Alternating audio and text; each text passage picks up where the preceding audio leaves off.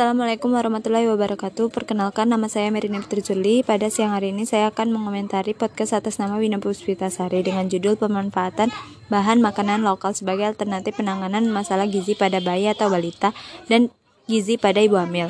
Menurut saya, podcast Wina sudah cukup jelas karena yang dijelaskan di dalam podcast sudah sesuai dengan judul.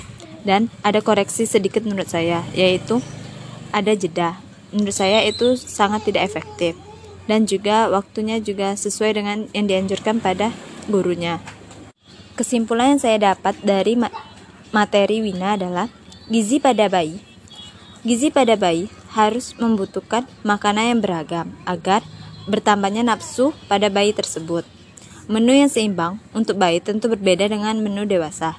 Bayi sangat membutuhkan menu yang berlemak sehat dan yang tak jenuh, juga berserat rendah. Lain pula pada ibu hamil.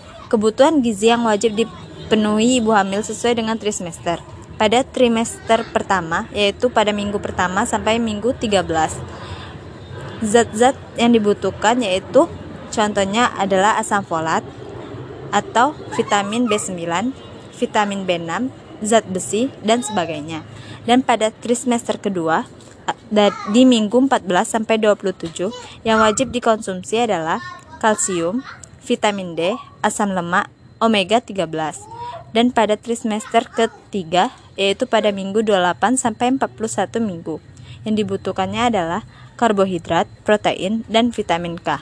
Sekian komentar dari saya. Saya ucapkan wassalamualaikum warahmatullahi wabarakatuh.